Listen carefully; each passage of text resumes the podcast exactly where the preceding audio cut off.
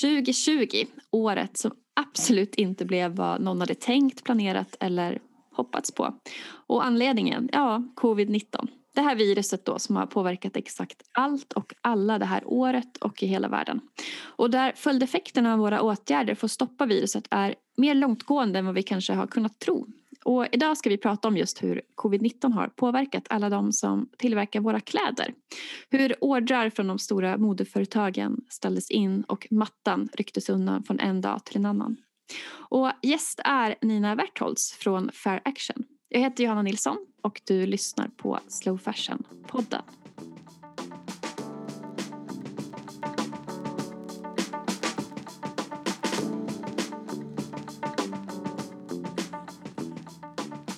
Slow Fashion-podden, ja, det är för dig som vill inspireras eh, och få ny kunskap om textil och modeindustrin. Här snackar vi mode på ett lättillgängligt men inte ett förenklat sätt.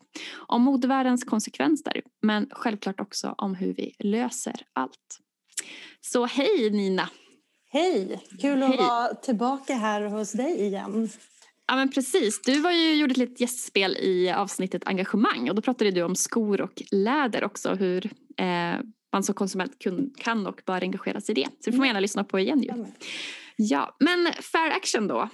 Vad, vad gör ni? Jag pratar ganska ofta om er och eh, sådär. Men du får gärna dra lite för den som inte vet vad ni pysslar med. Ja, vi, vi är en organisation som granskar arbetsförhållanden i, i leverantörsleden hos svenska företag. Och där är modeindustrin, kläder och skor och läder en av våra, liksom några av våra fokusområden som vi jobbar med. Och idag så ska vi prata om någonting eh, relaterat till det här. Vi ska prata om covid-19 och hur det har påverkat eh, de som tillverkar då våra kläder och skor och arbetsvillkoren eh, kring det. Och varför det är just du som är med från Fair Action är för att du har precis skrivit klart en rapport om det här som släpptes nu i början av december. Ja men precis. Det är en rapport som fokuserar på lädertillverkning, eh, skor och lädertillverkning i Kina och Indien som är då våra, världens största producenter av, av läder. Det är ungefär 10 miljoner människor som jobbar i den här branschen. Så det är en, det är en industri som vi har hållit ögonen på ett tag just därför att den, eh, det, är, det är så pass svåra arbetsvillkor i den här industrin redan innan med väldigt låga löner, låg facklig organisering, det är stor informell sektor, människor som inte har tillgång till socialt skyddsnät och eh, ja, men väldigt riskfyllt jobb för, på grund av alla kemikalier som används i tillverkningen av läder. Så då ville vi se hur de här arbetarna har drabbats eller påverkats av coronakrisen. Men innan vi går in i det då, mm. varför har ni kollat just på, på läder? Eller snarare så här, det här liksom lilla stickprovet på ett sätt kan man ju säga, eh, är det representer, alltså, representerar det hela industrin även vi pratar om att, att sy kläder och, och textil och sådär eller hur skulle du säga? Ja, så de trenderna som vi har sett nu, de här fallstudierna som vi har gjort i Kina och Indien, för det är ju absolut, det är så man får se det som fallstudier. Det är ju sådana trender som, som man har sett även i textilindustrin. Och det är ju en av anledningarna till att vi ville titta just på läderindustrin därför att det är en mm, om möjligt ännu mer utsatt bransch än textilbranschen även om man inte vill sätta de, de grupperna mot varandra. Så. Men det har skrivits mycket mer om textilindustrin och vi såg att det fanns ett behov av att lyfta just läderarbetare. Men jag tänker som lyssnare då av det här avsnittet så kan man ändå så tänka att när vi när du kommer prata om, om fallstudierna så går ju det att applicera på hela eh, leverantörs, liksom, ja, textilindustrin överhuvudtaget och modeindustrin och allt det vi egentligen har, har i garderoben ja, brottas ju med samma typer av problem och så. Absolut, och de mm. rekommendationer vi ger till företag är i allra högsta grad relevanta även för företag som jobbar med eh, textilier.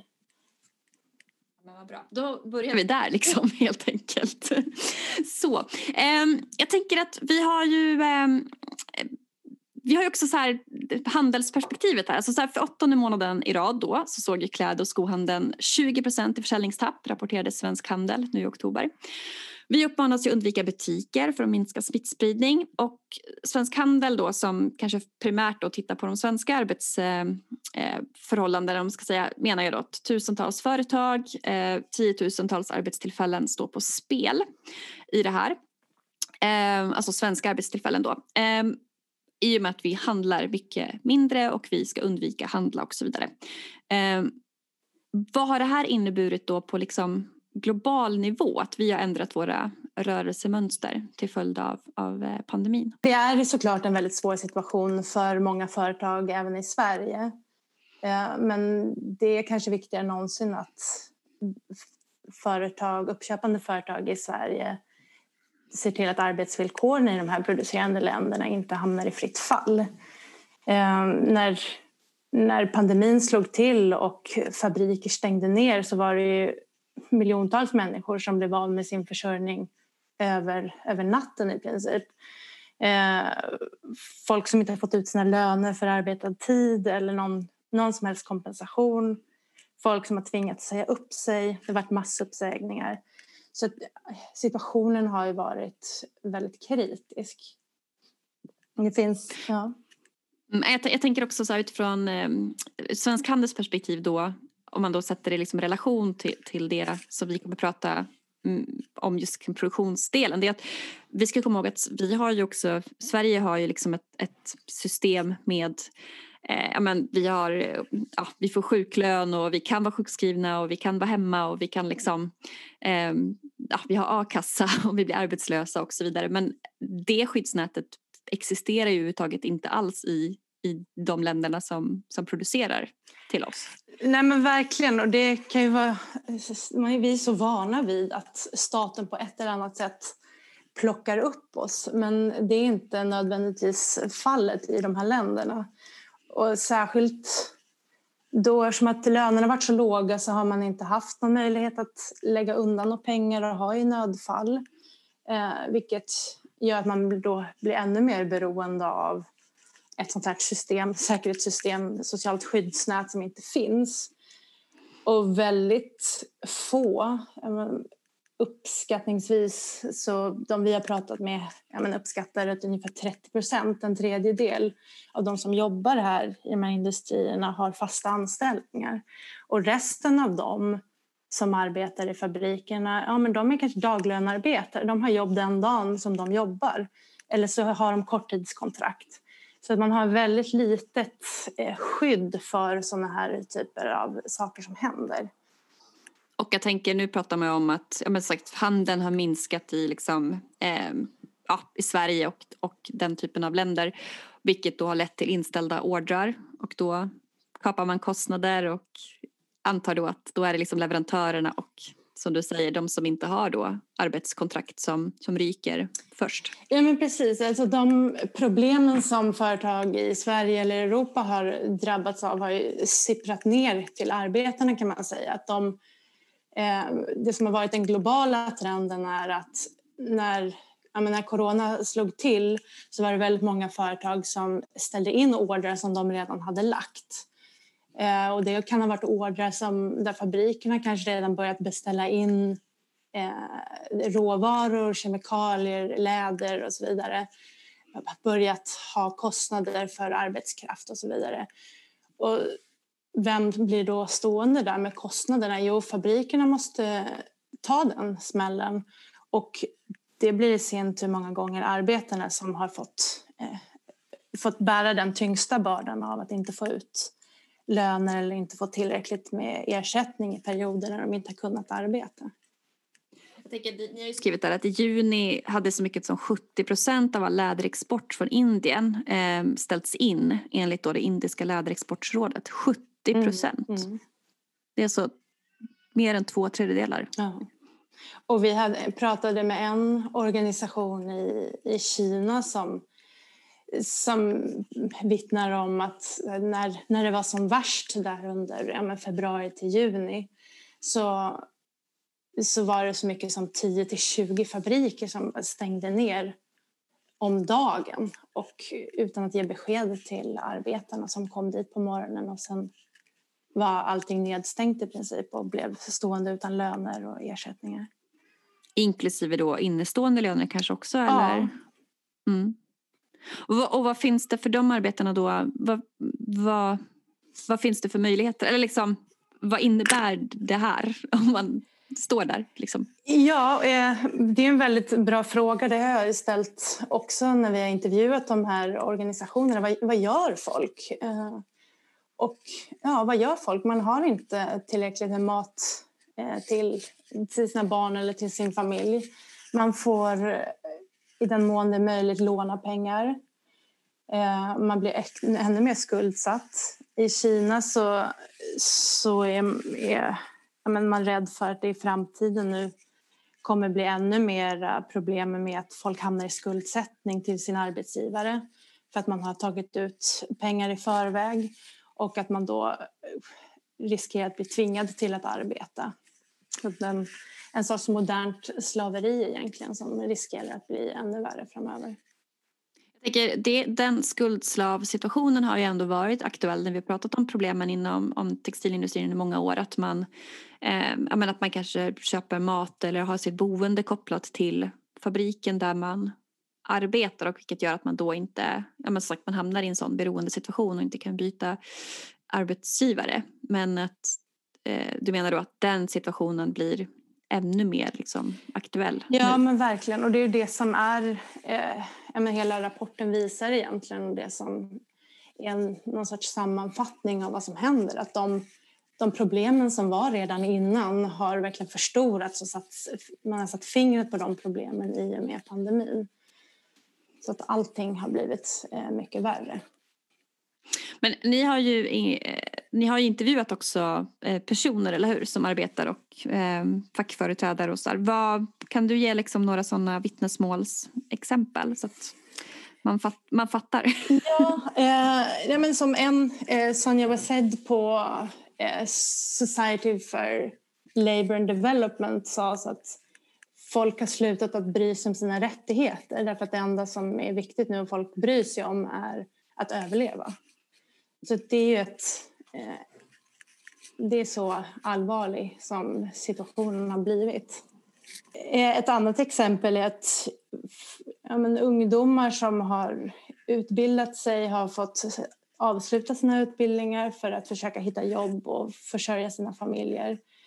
Eh, och där, det har varit, var ett exempel från Indien då, och då har man varit orolig för att det blir en, en, en generation ungdomar som går miste om att ta sig ut ur fattigdom och skapa, ett, skapa sig ett annat, en annan framtid. Så man kan säga att det här året kommer att förstöra vad ska man säga, den typen av liksom ekonomisk utveckling eller klassresor som, som många faktiskt har möjlighet att göra i form av utbildning och eh, arbete, antar jag då. Ja, om ingenting görs. Mm. Så det är väl, sätter fingret på vikten av att faktiskt mm. stötta arbetarna i de här leverantörsleden. Men jag tänker när man pratar om textilindustrin så brukar man prata om eh, fem olika problem. Alltså det här med löner som man inte kan leva på. Eh, arbets, eh, alltså villkoren, alltså arbetsmiljö och så vidare. Ehm, sen eh, rätten till organisering. Vi har sexuella trakasserier i form av att det är många kvinnor som arbetar inom det här. Och arbetstider är också relaterat till, till det här. Liksom. Eh, kan man, kan man på något sätt sammanfatta det med att alla de sakerna har blivit ännu tydligare under pandemin?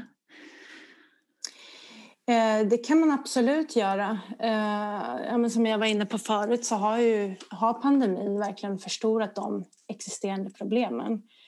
Eh, kvinnor som vittnar om att det har blivit svårare i hemmen. Det har blivit eh, ja, men våld mot kvinnor i hemmen har ökat. Eh, och inte för att eh, på något sätt ursäkta mäns beteende eh, men att det har ökat med, med ökad frustration av arbetslöshet och så vidare. Eh, så att, eh, kvinnor har varit väldigt utsatta i den här situationen. Och många kvinnor i Indien är anställda snarare har ingen anställning utan jobbar hemifrån som hemarbetare med att sy detaljer till läderskor eller skärp och så. Och de är ju de sista som får får någon sorts ersättning när de förlorar jobbet. Så de har drabbats väldigt hårt. Men eh, jag tänker att eh, alltså när jag i olika sammanhang pratar om att vi måste minska mängden eh, ny nyproduktion och nykonsumtion för att få en mer eh, hållbar då, modevärld. Eh, då får jag ofta ibland kommentaren då, ja ah, men eh, då blir alla som syr våra kläder eller gör våra skor arbetslösa.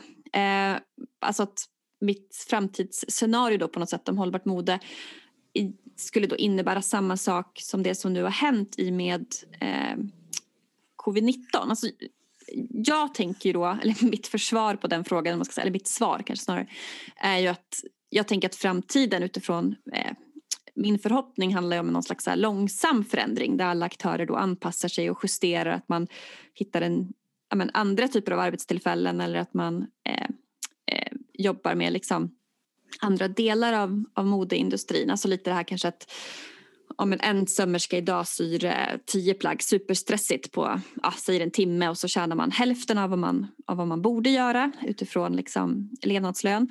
Eh, så skulle den hållbara framtiden då handla om att hon kanske syr ett plagg på en timme och tjänar en levnadslön. Men att, att vi då konsumenter betalar för det, att vi premierar kvalitet och detaljer och att eh, det kanske handlar om, det kanske inte ens handlar om att använda nya material utan mer om kanske så remake eller lagningar eller ändringar av befintliga plagg. Och så att, men just det att arbetstillfällena kommer att finnas kvar men att det ändrar form utifrån mer hållbarhet och att sociala hållbarheten självklart ska vara en, en del i det. Det här är ett väldigt långt resonemang. Men att, eh, liksom att det som skiljer det mot det som har hänt nu det är ju att pandemin har ju liksom gjort allt från en dag till en annan. Eh, vad tänker du om, om det här? Liksom att Eh, utifrån hur jag tänker kontra den kritiken som jag har mött eh, i just att man vill minska mängden ny eh, konsumtion liksom, ur ett hållbarhetsperspektiv och kopplat till arbetstillfällen och social hållbarhet.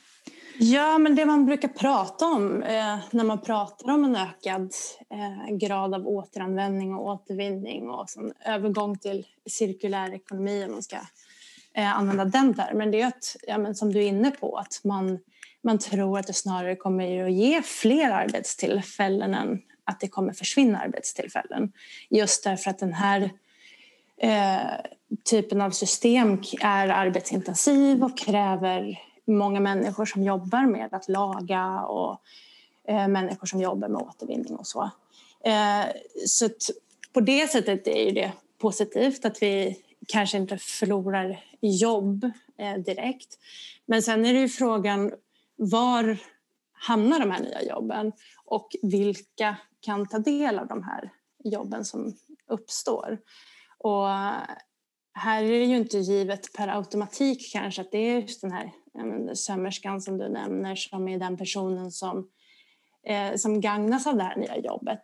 Så här tror jag att man behöver en väldigt aktiv politik och att eh, för att säkerställa att den här gruppen eh, sömmerskor involveras i den här processen och att de här företag och regeringar som, som medverkar i den här omställningen faktiskt är väldigt noga med att involvera fackförbund och lokala organisationer på plats så att det här kan, den här omställningen kan göras så rättvist som möjligt. Jag tänker om man tänker lite på, eller man tänker till bakgrunden varför vad syftet är med att bromsa klimatförändringar och att vi ens vill göra det här i första steget så är ju en viktig anledning att man inte vill att människor ska drabbas negativt av eh, men ökade, mer torka, eh, bränder och eh, jag tänker hela Bangla, Bangladesh ja, som kommer att ligga under vatten. Ja men precis. Alltså. Det, det, är ett syfte, det är ett syfte med att man vill bromsa klimatförändringarna. Så mm. ska man då göra det igen på, på bekostnad av en grupp som har det väldigt svårt alltså låta den här gruppen igen då betala priset för en omställning eh, vad är då syftet? Så att det är, vi måste självklart minska klimatavtrycket på grund av klädtillverkning och så. Men den stora frågan är ju hur och att det här görs på ett sätt, sätt då, som verkligen involverar de grupper som faktiskt riskerar att drabbas negativt. Jag tänker att, att den omställningen då som vi pratar om, eh, om man, att den ska liksom, den sker långsiktigt och liksom steg för steg och eh, ja, men som sagt en, en omställning och där, där alla led, framförallt då liksom eh, produktionsledet, eh, både sömmerskor men jag tänker också då såklart bomullsodlare eller garvare eller alltså alla stegen innan också att de är involverade i det här. Um, och jag tänker när man tittar på det på det sättet så blir det också motsatsen då ytterligare förutom att det gick väldigt snabbt också med covid-19 för jag tänker där har man inte haft något att påverka utan det är bara men som du sa att fabriksdörrarna stängdes liksom mm. dagen efter typ. Ja, och det har ju varit ett, en av de sakerna som vi, eh, eh som vi lyfter i rapporten är också att företagen som vi har granskat, vi har granskat fyra svenska eh, eller nordiska skoföretag också i rapporten om hur de har agerat. Och ingen av de här företagen har varit i dialog med lokala för fackförbund eller eh, organisationer som jobbar med de här frågorna. Och det är ett problem eh, att det är inte, men som har funnits länge i, i branschen att den här dialogen är mer eller mindre frånvarande. Vi, vi gjorde en granskning tillsammans med Amnesty som vi släppte i våras där vi tittade på företags hållbarhetsrapporter. Och utifrån den rapporten så kunde vi se att det var bara 7% av alla företag som för en dialog med då potentiellt negativt drabbade eh, eh, grupper då av företagsverksamhet. Och det är, det är någonting som även FNs vägledande principer kräver av företag att man ska göra och det är en del av Parisavtalet att, att potentiellt negativt, grupper, negativt påverkade grupper ska involveras i den här dialogen. Så det är extremt eh, centralt för liksom en utgångspunkt egentligen för hur den här omställningen ska ske och hur företag bör agera för att stötta arbetare i i om det är coronakrisen eller om det är en, en större fråga kring klimatförändringar. Kan du berätta lite om, eh, om den här rapporten lite mer, alltså just de svenska företagen och hur de har, ja, hur har det gått till liksom? Hur har de agerat? Eh, ja, men vi, titt- vi började i änden av att vi tittade på vilka problem som fanns eh, på, på fabriksgolvet om man säger i Indien och Kina. Och sen så visste vi fyra företag som importerar läder eller läderskor från Kina eller Indien så frågade vi dem hur de har agerat eh, under krisen. Och vilka företag är det som ni har tittat på? Då är det Nilsson Group, eh, det är Rescoret, det är Vagabond och det är Eurosco. Så Nilsson, Nilsson Group de, de ligger också bakom Din Sko, Nilsson Skor och Skopunkten så de är, eh, de är stora. Um, och då frågade vi dem till exempel om de hade ställt in några ordrar eller om de hade begärt rabatter för sina ordrar och så. Och det, det var ingen av företagen som menade att de hade gjort det. Eh, hela, det är en enkätundersökning som vi har skickat ut till dem så att allting bygger på deras egna svar så man får ta det utifrån vad det är om man säger. Um, och att alla de fyra företagen menade att de eh, också känner sig trygga med att, att arbetare i deras leverantörsled faktiskt har fått betalt under pandemin. Så att, eh, man, no, man har tagit vissa positiva steg, absolut. Eh, men eh, sen så ser vi det som en, en stor brist att man inte har pratat direkt med fackförbund eller organisationer för att mm. verifiera de här uppgifterna eller eh, ja, lyssna på problemen hur de, hur de ser ut hur man kan lösa dem tillsammans. Men jag tänker också utifrån från det att jag tänker den frågan ställdes utifrån order som lades innan covid-19.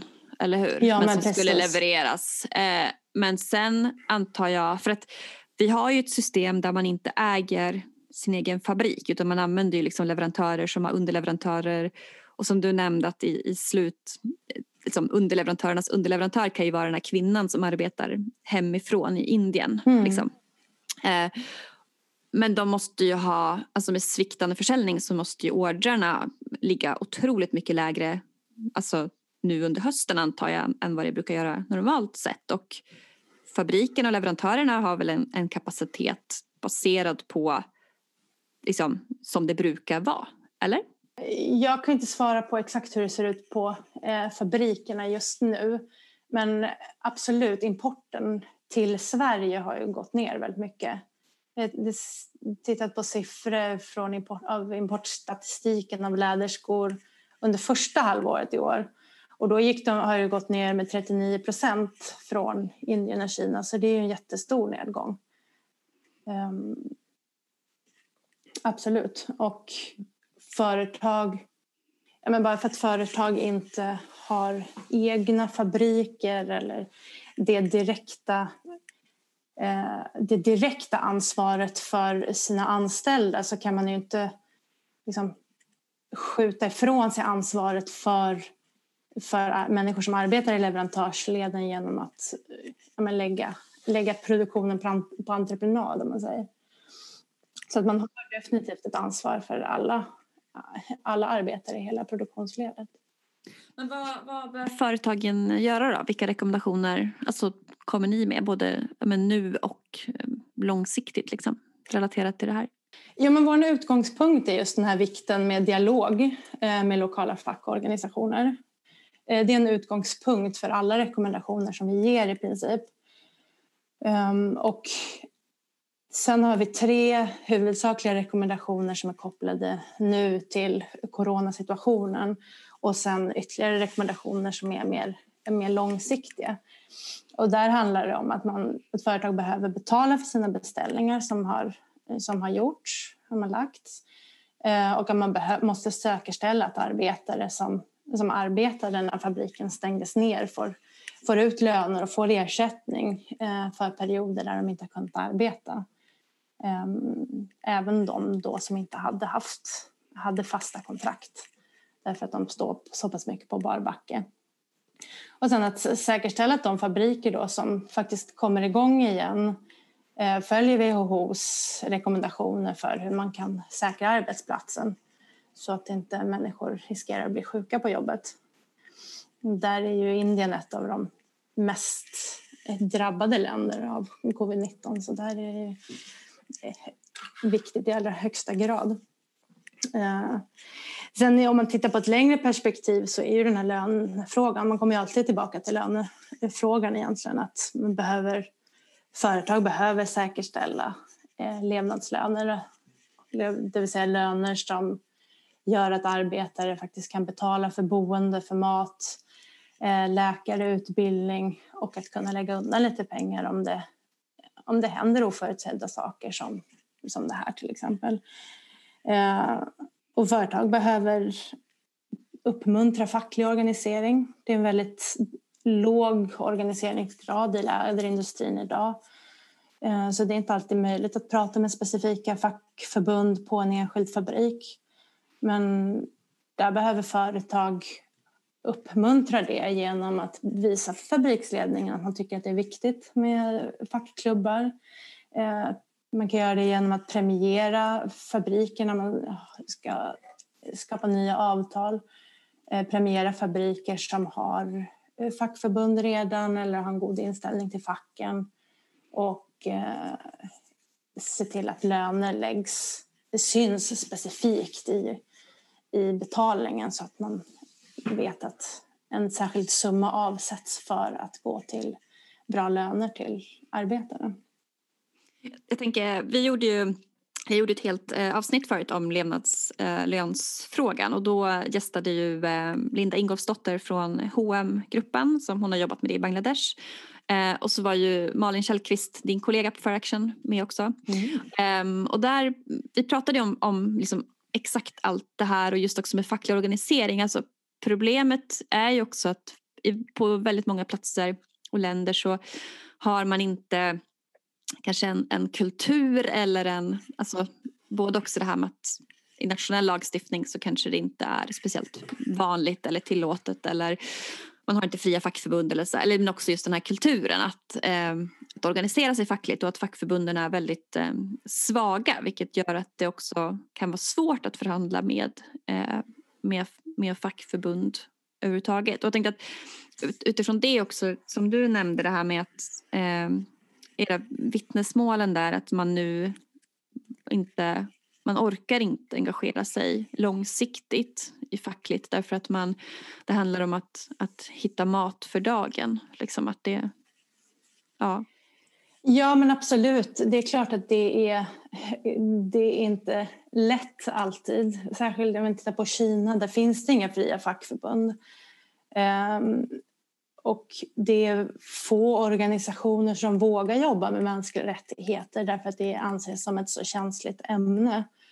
Och det var ju väldigt svårt att få någon att ställa upp på intervju även till den här rapporten. Mm. Men det finns organisationer som jobbar med det och det finns eh, universitet som forskar på situationen för arbetare. Och där är det viktigt att man hör sig för om hur problemen ser ut på fabriksgolvet. Och om det inte går att ha dialog med en, en fack, fackklubb i en enskild fabrik så, så kan det vara en idé att prata ihop sig med andra kollegor i branschen om hur man kan, hur man kan komma runt det problemet eller på annat sätt säkerställa att att arbetares rättigheter tas hänsyn till i, i, i hur man jobbar gentemot den fabriken. Jag tänker, som jag tolkar dig nu så kan man egentligen då säga att de företag som, som menar allvar när man pratar om liksom arbetsvillkor och arbetares rättigheter och så i leverantörsledet. Det finns, eh, vill man så kan man, lite så, eller hur? Absolut. Jag tänker något som har varit eh, på nyhetsplats ganska nyligen är ju det här med att man har eh, hittat ehm, på många ställen i Kina inom textilindustrin att man har haft uigurier ehm, som eh, tvångs, eh, alltså slavarbete egentligen, att de har tvingats arbeta. Ehm, så att jag menar, och det är ju en väldigt förtryckt folkgrupp i Kina. Så att jag tänker att det finns ju väldigt många nivåer kopplat till det här, vad som sker på liksom, fabriksplats. Och ja, det, just det här att liksom ha facklig representation handlar ju om att man också, jag tänker från företagets perspektiv eh, som köper, att då har man ju också ögon där eftersom de ändå är där för att tillvarata sina in, intressen.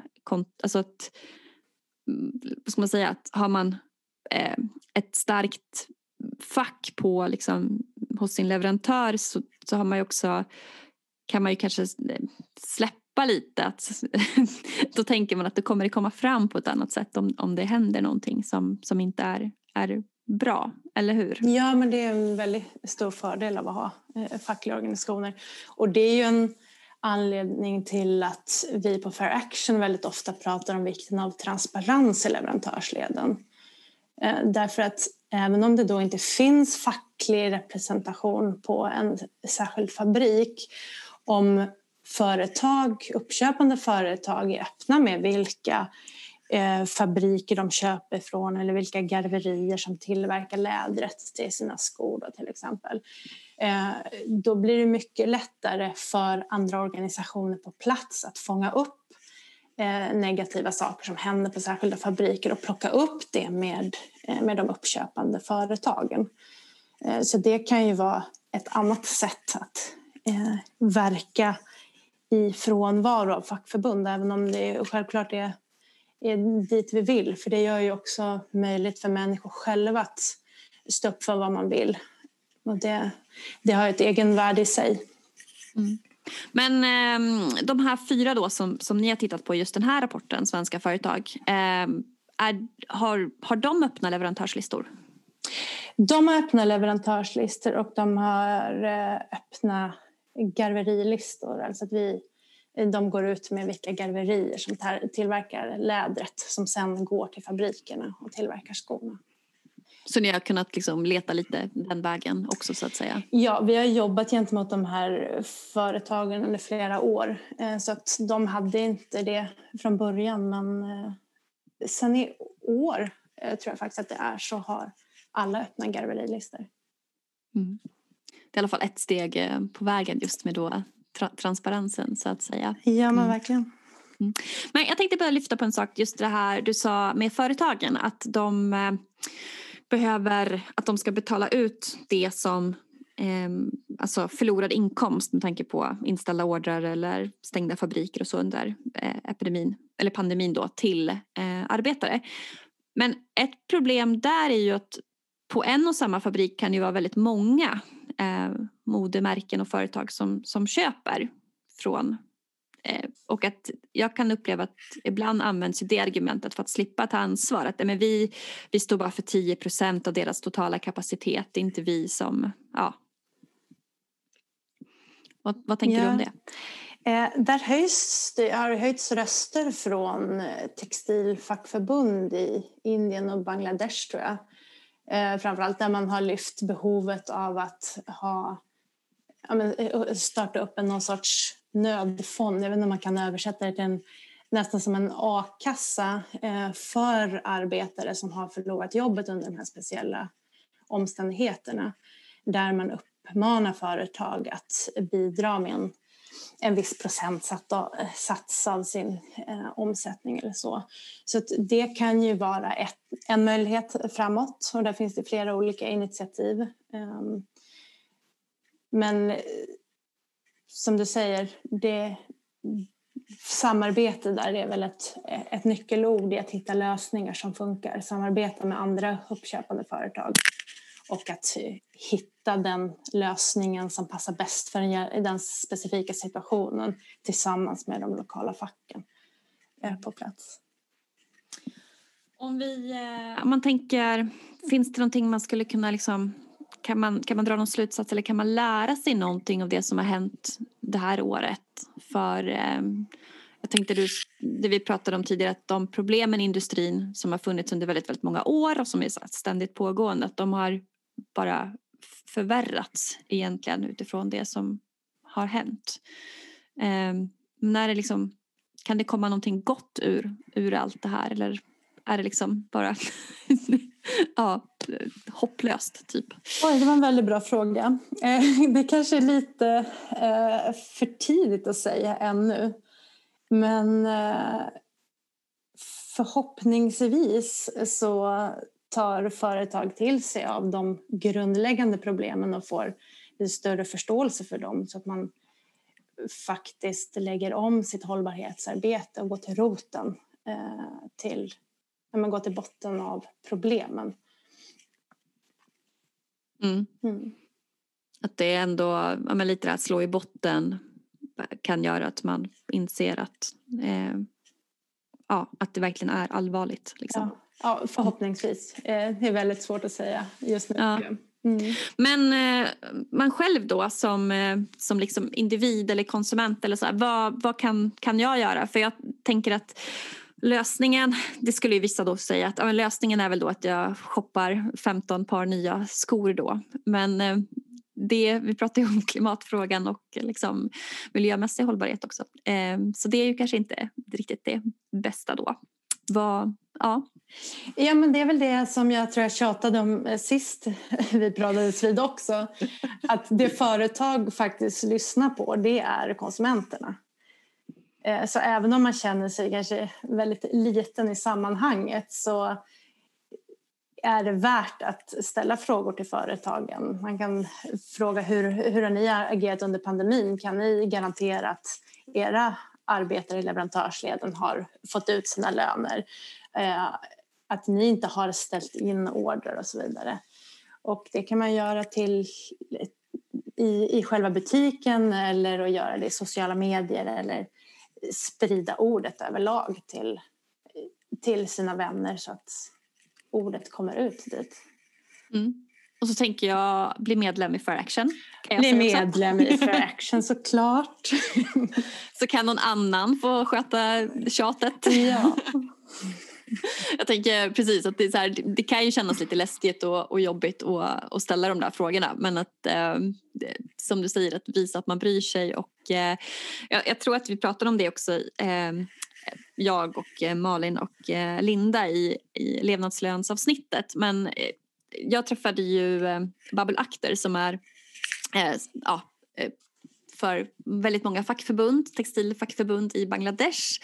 Ehm, och han, när, han, när jag träffade honom då tidigare för ett, för ett år sedan så pratade han om att man kan liksom se en korrelation mellan eh, alltså de fabriker och leverantörer som faktiskt eh, säljer eller levererar till ett företag som eh, som har, ganska akt eller som har lite mer aktiva konsumenter att de har generellt lite bättre arbetsvillkor. Det är fortfarande liksom aspissiga löner och det här men, men att det finns ändå en viss skillnad så att det här konsumenttrycket spelar väldigt stor roll ändå. Och det tyckte jag var så hopp, hoppfullt och hoppingivande att, att få höra ändå. Verkligen. Och känner man sig lite okreativ i hur man ska formulera sig så kan man följa oss i sociala medier. Där har vi färdigställt lite frågor man kan ställa till företag och så behöver man bara själv eh, pinga de företagen som man vill uppmärksamma på det här.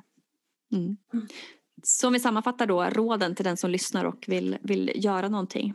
Då bli medlem i Fair Action, fråga företagen, mejla, eller hur? Precis. Ja. Och är det något mer som du vill tillägga?